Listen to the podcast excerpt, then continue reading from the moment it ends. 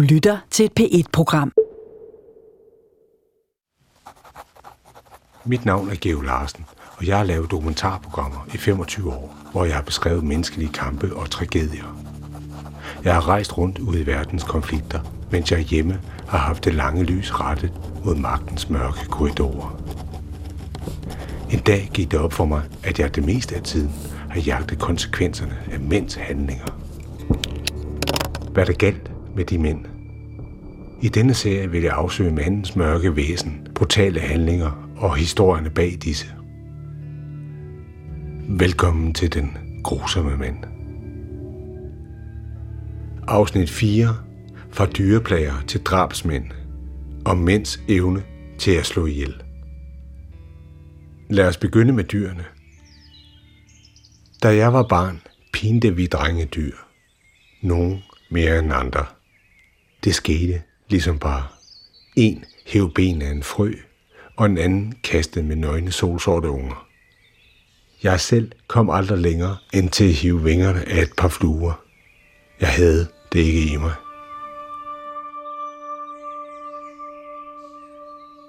Psykiater og læge Christian Ligin har taget en bog ned fra hylden. Ernest Hemingways Døden kommer om eftermiddagen. Hemingway er meget fascineret af det her med, med liv og død, og at sætte noget på spil. Det er jo ikke en roman, det er jo en sådan afhandling om tyrefægtning.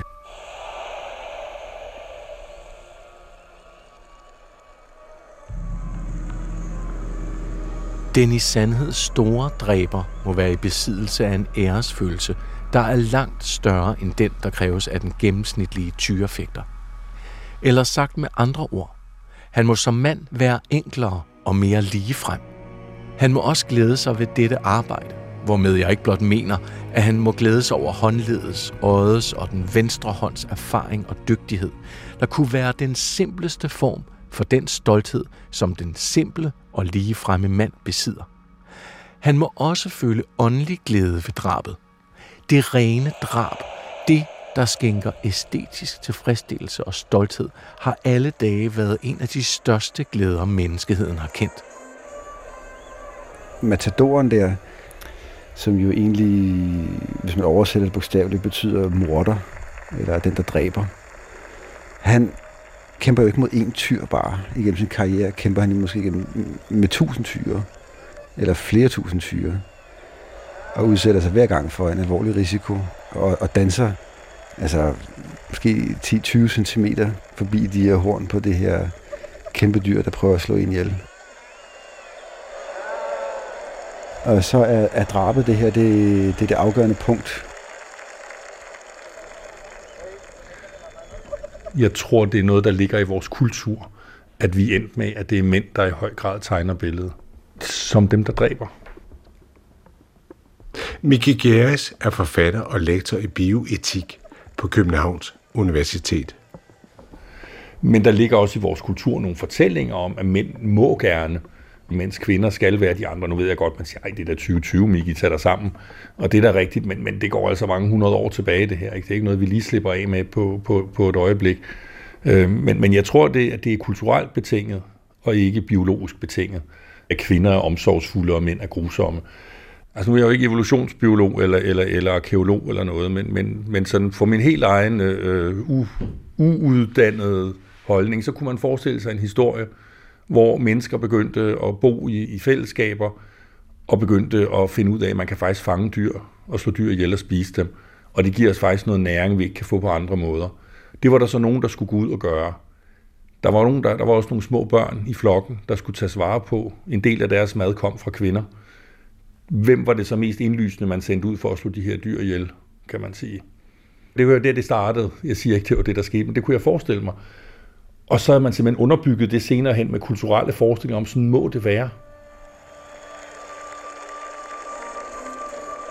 Når manden står ubevægelig og rank med lidt adskilte fødder, efter han har opfordret tyren til angreb ved at skyde det ene knæ svagt frem og svinge mulettaen mod tyren, og tyren så går til angreb, og manden og den bliver et, i det klingen stødes ind og skilles igen, mens der har været et øjeblik, da de var forenet ved klingen, der glider dybere og dybere ind i dyret, så langsomt som bevægede den sig kun en tomme af gangen, at det er den mest overlegne dødsmetode, man kan se for sine øjne, og et af de smukkeste træk i hele tyrefægtningen. Psykiater Christian Legen. Hvis man kigger på det evolutionsmæssigt, er det rimelig tydeligt, at, at det har været nødvendigt at dræbe dyr for overlevelse, og også for at, øh, at kunne profilere sig, at kunne udvikle sin stamme, og, og så forædler man det. Og det har så taget en form nu her, hvor det jo ikke rigtigt er nødvendigt for os at jage dyr, eller slet ikke slå dyr ihjel i en, i en tyrefægterarena. Men det tror jeg er, er, ligger meget dybt i, i mennesket, specielt i mænd, at have den her med at skulle kæmpe og, og nedlægge noget andet. Det kan så være en modstander eller et dyr. Der er sådan en drift imod det. Det er mænd, der har bygget det samfund, som vi hviler på i dag, som i høj grad er et samfund, der kan beskrives som antropocentrisk. Det er et græsk ord, som betyder menneske, eller det betyder faktisk mand, antropos. Men det betyder, at det er en kultur, der sætter menneskets behov ind som det eneste, der er vigtigt. Og meget sigende jo i virkeligheden mandens behov, hvor resten af naturen bliver set som en ren ressource. Så man kan sige, at det antropocentriske livssyn har bragt os ind i det, som man i dag kalder den antropocene tidsalder – simpelthen den geologiske tidsalder, hvor det er mennesket, der har fået så meget magt, at vi bestemmer faktisk alle andre arters fremtid.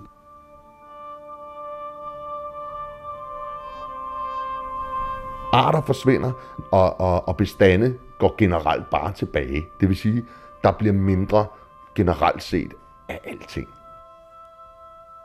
Sebastian Klein er tv-vært og fuglekigger, og han kan en statistik, som er ganske foruroligende – hvis man tager samtlige pattedyr, der er på hele jordkloden, og kommer med i en kasse, så vil cirka 30% være mennesker, og cirka øh, 66 være øh, menneskers husdyr.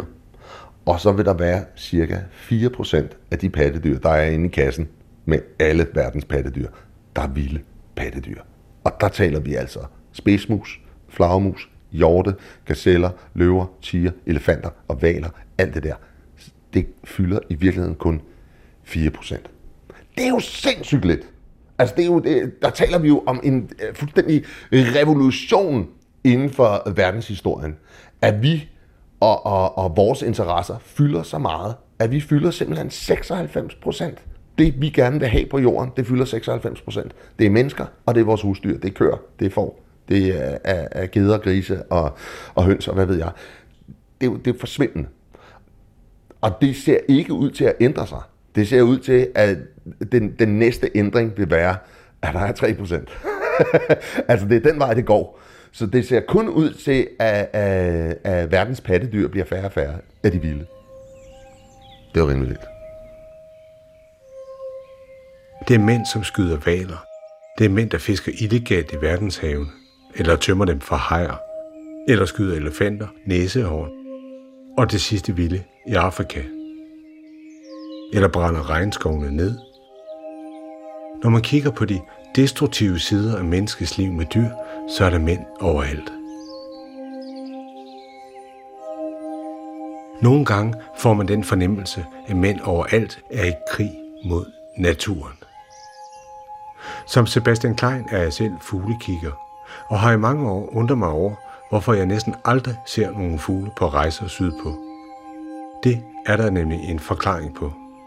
2,6 millioner fugle af op mod 200 forskellige arter bliver slået ihjel årligt af illegale jæger, når de flyver over Libanon. Det er jo rimelig vildt. Det er mange. 2,6 millioner fugle bliver, altså de bliver skudt, ikke? Men det her, det er bare Libanon, ikke? Det er bare et lille bit af Libanon. Det er et lille bit land, ikke? Og det er, hvad der bliver skudt der af illegalt. Altså, det er rigtig mange turtelduer, det er rigtig mange piroler, det er rigtig mange af de store rovfugle, som bliver plukket, når de flyver ned over, over øh, Mellemøsten. Men også resten af Middelhavet, vi kender problematikken fra Malta, at der, der har det i årtier været meget populært at stå med øh, automatgevær og plaffe de trækkende overfugle og de trækkende stork ned fra himlen. Og det er jo sådan noget, man kan se som turist. Altså kan du sidde på, din, på en eller anden fortorvscafé og se fuglene dale ned fra himlen med, med kugler i kroppen og høre knaldene fra bjergene. Ikke? Miki Gæres, lektor i bioetik. Altså, vi har jo sådan en... Øh, for, vi, der er jo nogle dyr, vi godt kan lide. Altså, du kan sgu ikke tillade dig at, at plage en kattekilling, eller banke en babysæl oven i hovedet med en kølle. Men en gris kan du godt tillade dig at klippe halen af og kastrere uden bedøvelse og fixere, og i øvrigt sørge for, at den øh, lever cirka en fjerdedel af sit normale livsspand, øh, fordi den bliver presset så hårdt i produktionen. Og det har noget at gøre med, at vi tænker, om det der dyr kan jeg godt lide, det der dyr, det skal jeg alligevel spise. Men vi gør det, fordi vi ikke ser dyret som noget, der har en betydning i sig selv, men kun noget, der har en betydning, fordi vi skal bruge det til noget. Det er, fordi vi hænger fast i den der forestilling om, at vi er verdens herre, og er der noget, vi har lyst til at spise, så har vi med også ret til det. Og det er en del af det gode liv, så det må ingen blande sig i. Vi har ligesom en forestilling om, at hvis der er noget, jeg har lyst til, så er jeg ret til det. Og det er, fordi vi ikke ser noget ude i verden, der er værd at respektere. Vi ser kun gennem vores behov. Og det betyder også, at når det er sådan, så ser vi jo kun på vores egne behov og ser ikke på det omkostninger, det har for andet. Vi er jo biologiske behovsvæsener. Altså, som den danske teolog Løstrup sagde, liv, det er bare udskudt død. Og det at udskyde døden, udskyde døden, det kræver, at vi får opfyldt en række behov omkring mad, øh, hvile, vand, øh, varme og sådan noget. Og det er sådan, vi helt automatisk ser på verden, fordi det ligger meget dybt i vores sind og vores sjæl, at vi er dødelige væsener, der skal sikre os mod de her øh, øh, øh, biologiske mangler. Så derfor så kigger vi rundt på verden, og så ser vi ressourcer. Så får vi øje på en gris, og tænker, at den kan spises, det der træ kan fældes, og den der skov, øh, der kan jeg gemme mig i, osv. Altså vi ser det ud fra, hvad vi skal bruge det til. Altså det er jo helt klart, at jeg kommer med nogle behov og, og ønsker til verden, så kigger jeg på den, og så fortæller jeg en gris, at den er bacon. Løsdrups er, at før grisen er bacon, så er den noget mere.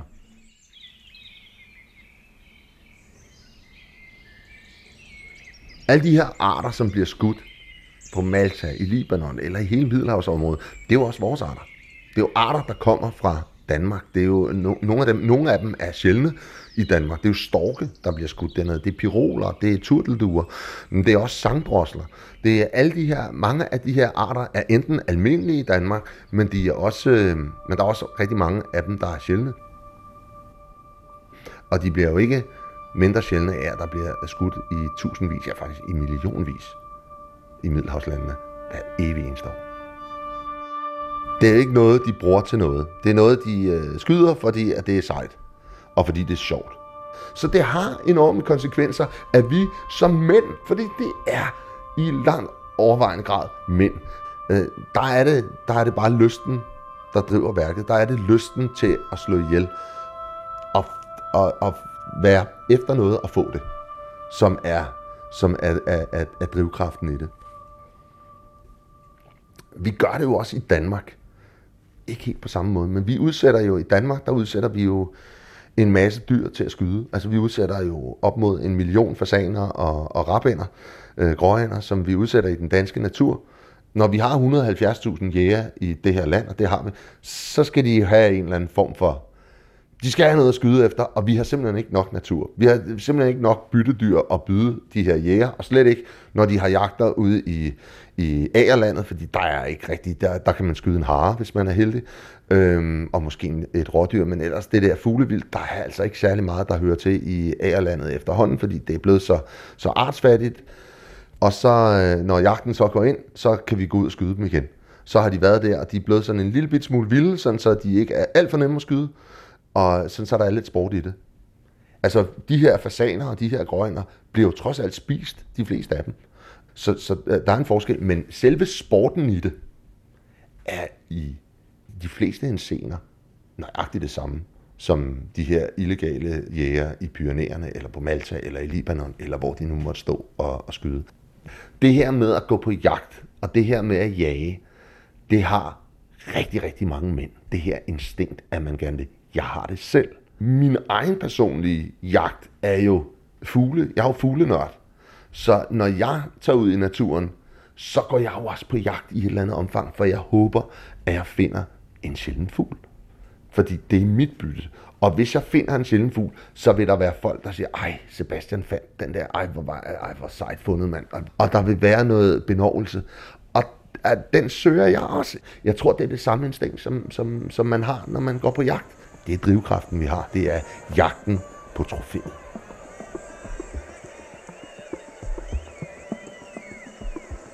Matadoren der, beskriver Hemingway, han danser altså måske 10-20 cm forbi de her horn på det her kæmpe dyr, der prøver at slå ind ihjel. Disse handlinger udspringer af og udføres i stolthed. Og stolthed er naturligvis, som vi alle ved, en kristen dødssynd, men en hedensk dyd.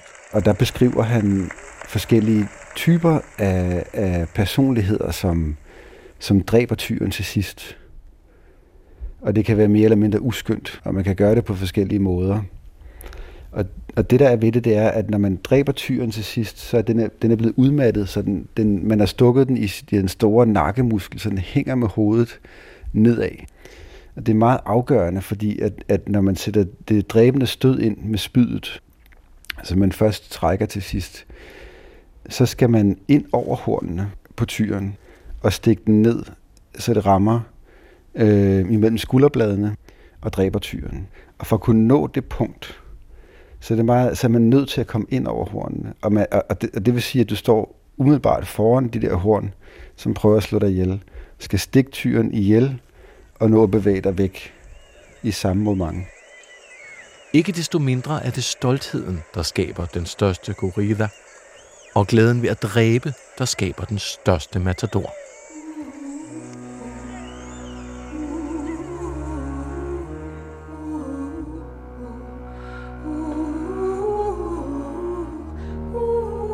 En, en, en tæt forbindelse i vores forståelse af for mange af maskulinitet og kød. Af rigtige mænd, der, der løber helst blod ud af munden på dem, mens de spiser. Og de skal have 600 gram råt oksekød om dagen, ellers så, så falder håret af, og de, de dør af mangelsygdomme. Hvor man siger, at vegetar det er sådan nogle kaniner, ikke? eller vegetar er et gammelt indiansk ord for dårlige jæger. Det er, det er nogle kulturelle forestillinger, der ligger så dybt i os, at vi er begyndt at tro, det er vores natur. Men det er det altså ikke. Hver gang jeg møder en, øh, en jæger, som fortæller mig, at det er naturligt at gå på jagt, så jeg kan være med at tænke på, at så er jeg unaturlig, for jeg er en mand, og jeg går ikke på jagt. Og hver gang jeg møder en færing, der fortæller mig, at det er helt okay at slå grinder ihjel, for det har de gjort i 4.000 år, så tænker jeg, at ja, det er rigtigt nok, men fordi man har gjort noget i lang tid, bliver det jo ikke rigtigt. Vi holdt også slaver i rigtig mange tusind år. Det er jo ikke sådan noget, der gør, at vi så tænker, så bliver vi bare ved med det. Og der kan vi jo så sige, at vi kan have en kæmpe diskussion omkring øh, den intensive kødproduktion. Er den nødvendig eller ej? Der vil jeg jo hæve nej. Vi kan leve fint uden. Vi påfører millioner, for ikke at sige milliarder af dyr smerte og lidelse, og slår dem ihjel for at spise dem. Samtidig så er det en produktion, der har enorme omkostninger for miljø, natur og klima. Og der er ingen grund til det. Vi kunne fint spise andet. Jeg er godt klar over, hvis man sidder oppe på indlandsisen, så er det rimelig svært at være veganer og bare leve af tang. Men det er altså ikke svært, når man bor i Struer eller Rødovre. Øh, så der er et valg der at træffe, som vi ikke træffer, fordi vi bliver ved med at fastholde. Det er os, der bestemmer. Altså som Spider-Man får at vide, da han har fået sine superkræfter, with great power comes great responsibility. At stor styrke kan jo betyde stort ansvar i stedet for. Og det er jo det, jeg vil hæve, at vi mennesker har en situation, hvor vi har stor styrke i forhold til resten af naturen. Ja, det betyder sådan set ikke, at vi har flere muligheder, det betyder bare, at vi har mere ansvar. Og det er den pris, der følger med at være de stærkeste. Og det, som gør os særligt som mennesker, nemlig at vi udover at have instinkter og drifter, så har vi faktisk også både fornuft og fri vilje.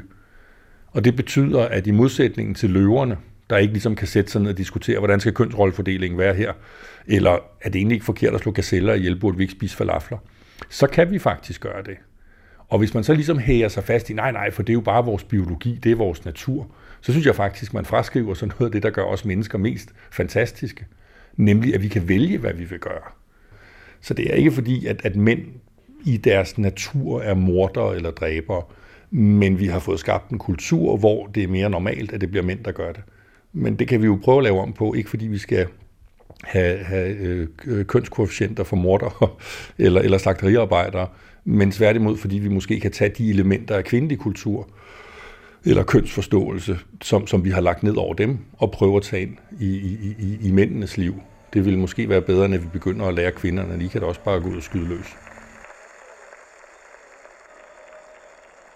Dem, som er virkelig dygtige matadorer og øh, formår at dræbe på den rigtige måde, beskriver Hemingway.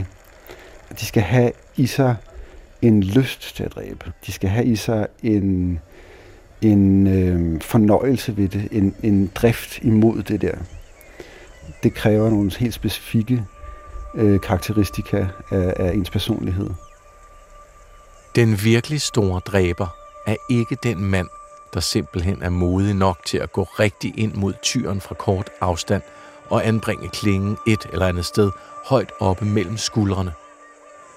Men derimod den mand, der går ind over en kort afstand, bevæger sig langsomt, starter med venstre fod og er så dreven og erfaren i arbejdet med venstre hånd, at han, i det han med venstre skulder forrest, går ind over hornene, tvinger dyret til at sænke hovedet og holde det sænket, mens manden fortsætter forbi hornet, støder klingen i tyren og fortsætter langs dens flanke.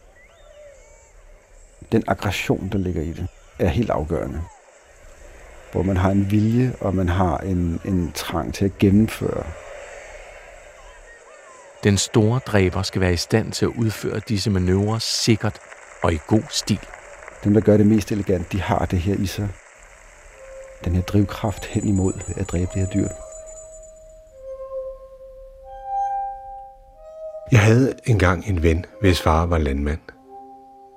Ved det første besøg på gården, så kom jeg på staldvandring. Alle køerne stod tøjet på række, men for sammen, da vi trådte ind. Det var der en god grund til. Han fortalte nemlig, at han tæskede dyrene med jernrør.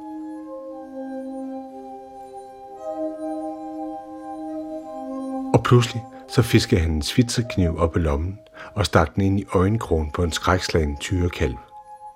Der kan klare det, grinede han. Senere erfarer jeg, at han smadrede en hund til døde med en sten. Alle var bange for ham, også mennesker omkring ham. Han havde det i sig. Drabet.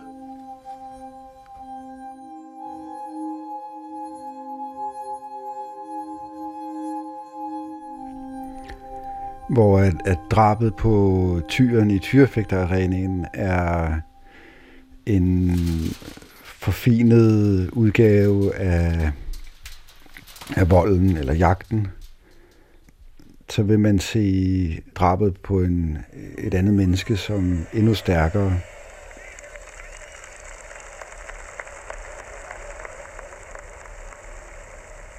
Altså man, man, i, i tyrefægtningen, der udfolder drabet sig i en, inden for en ramme. Men det her øjeblik, hvor man står med øh, spydet hævet over tyren, øh, der er der rigtig meget på spil. Men man er stadigvæk inden for den her ramme. Men mange af de samme mekanismer vil gøre sig gældende i andre former for drab, herunder ligesom affektdrabet, hvor at der også er en masse ting på spil, og man har adrenalinpumpende, og man har øh, noget vrede, og formentlig også noget angst og noget ubehag, samtidig med, at man er fyldt op af den her voldsomhed, som øh, finder en ende i drabet. Afslutningen på, på den aggression, man har i sig. Det er det, der er ligesom udfoldelsen. Det er der, hvor at, at afløbet kommer igennem drabet. I det, man udslukker øh, livet fra en anden. Mænd dræber dyr og mennesker. Drabet er mandens bane halvdel. Men jeg har altid undret mig over, hvorfor kvinder ikke dræber mænd i langt højere grad.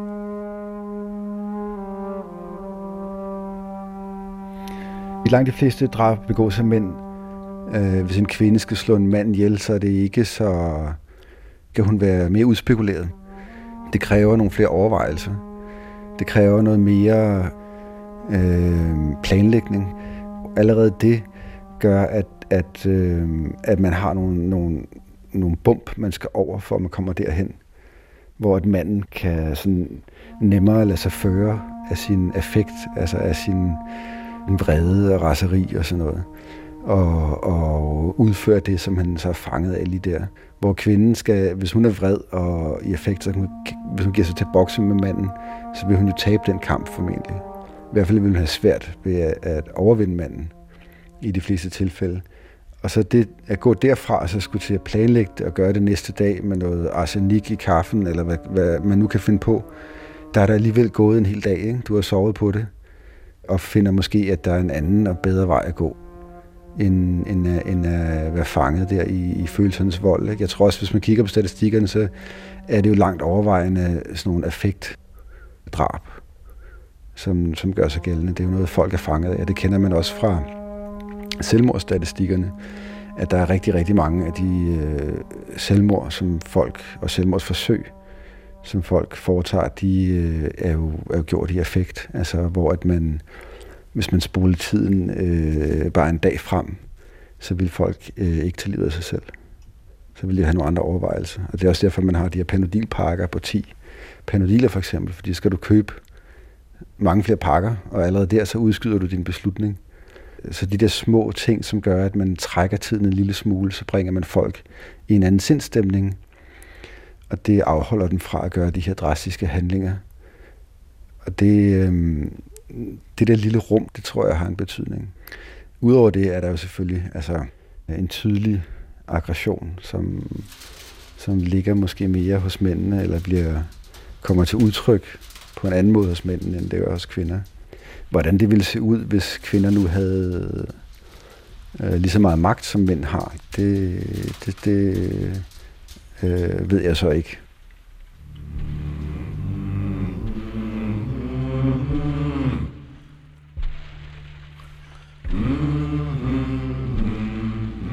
I næste og sidste afsnit, der handler det om forkryblingen af manden. Om mandeidealer, der smuldrer om ørerne på dem.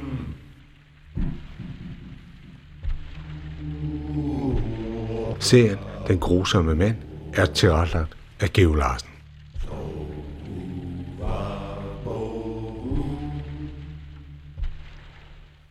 Du kan finde alle P1-programmer på dr.dk-p1. Det giver mening.